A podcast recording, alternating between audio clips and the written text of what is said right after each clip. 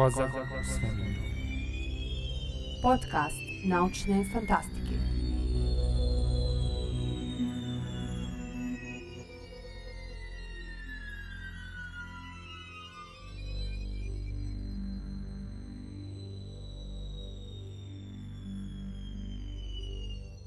Safet Turalić Okus vlastite i smrti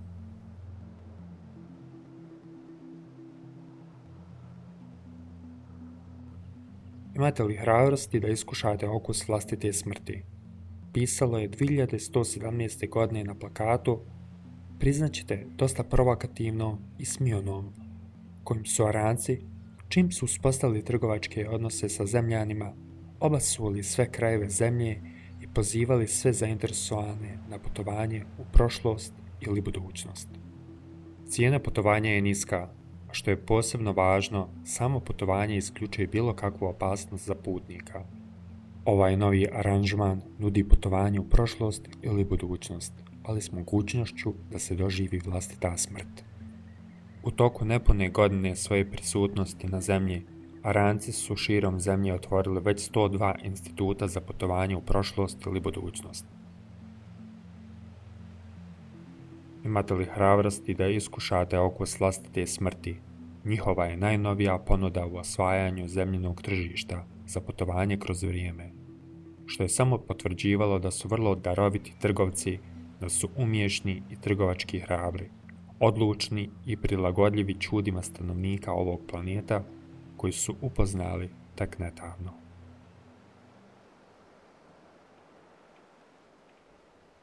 Mesko zastade pred zastakljenim ulazom 83. Garanskog instituta za putovanje u prošlost ili budućnost, koji se nalazi u Bosni u blizini Tešnja, okružen borovom i jelovom šumom te veličanstvenom tišinom, tako potrebnom u ovom vremenu.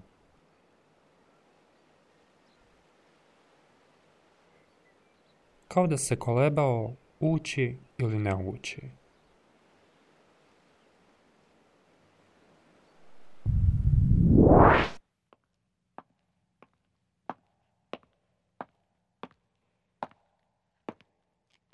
Bio je zadivljen bjelinom, jednostavnošću i skladom, tako da nije ni opazio kada mu je prišla Aranka, sva obučena također u bijelu uniformu. Na usluzi smo vam. Mesko se tek tada prenuo i iznenađeno pogledao u tu ženu, Aranku, toliko slično zemljankama, koja ipak bila nekako posebna.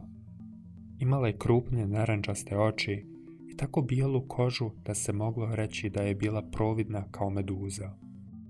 Došao sam vam povodu vašeg novog programa putovanja kroz vrijeme. Želio bih... Želio bih okusiti svoju smrt. Mada mi to nekako zvuči glupo.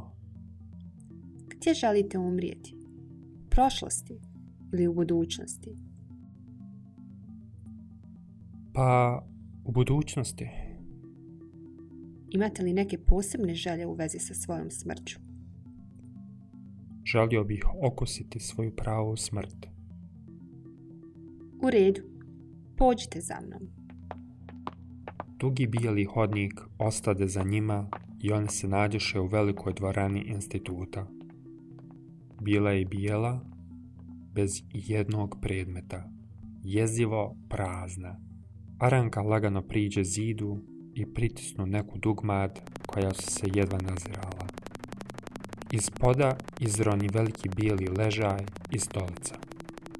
U dvoranu uđe ranac, koji se od svoje narodkinje razlikovao samo po očima. Bile su mu krupne i crvene.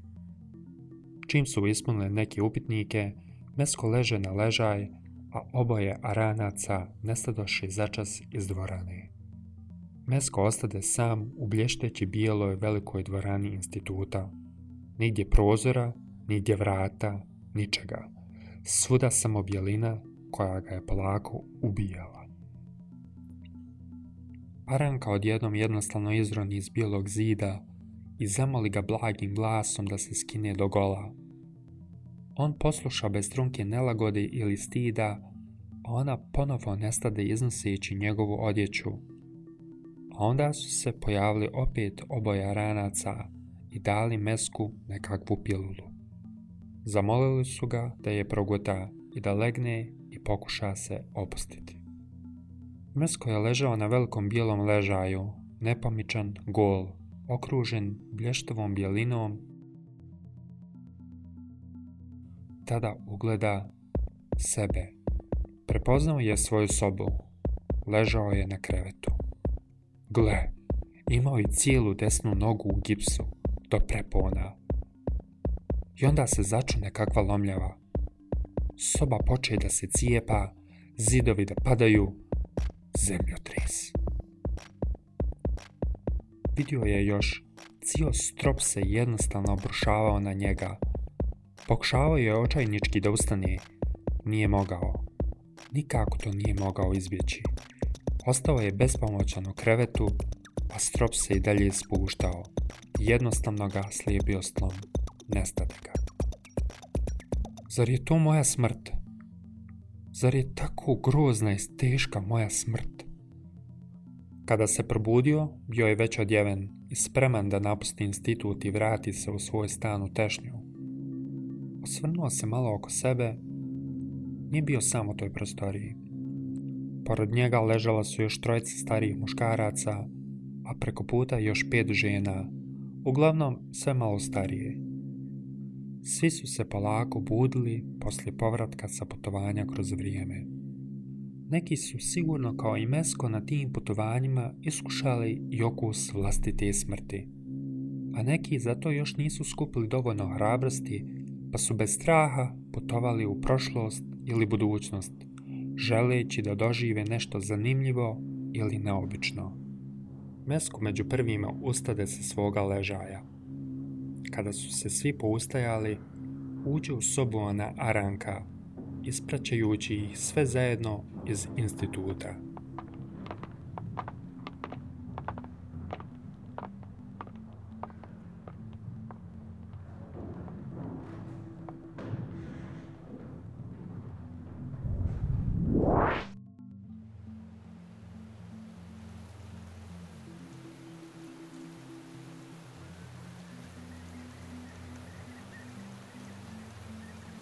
Zar je kiša baš danas morala da pada?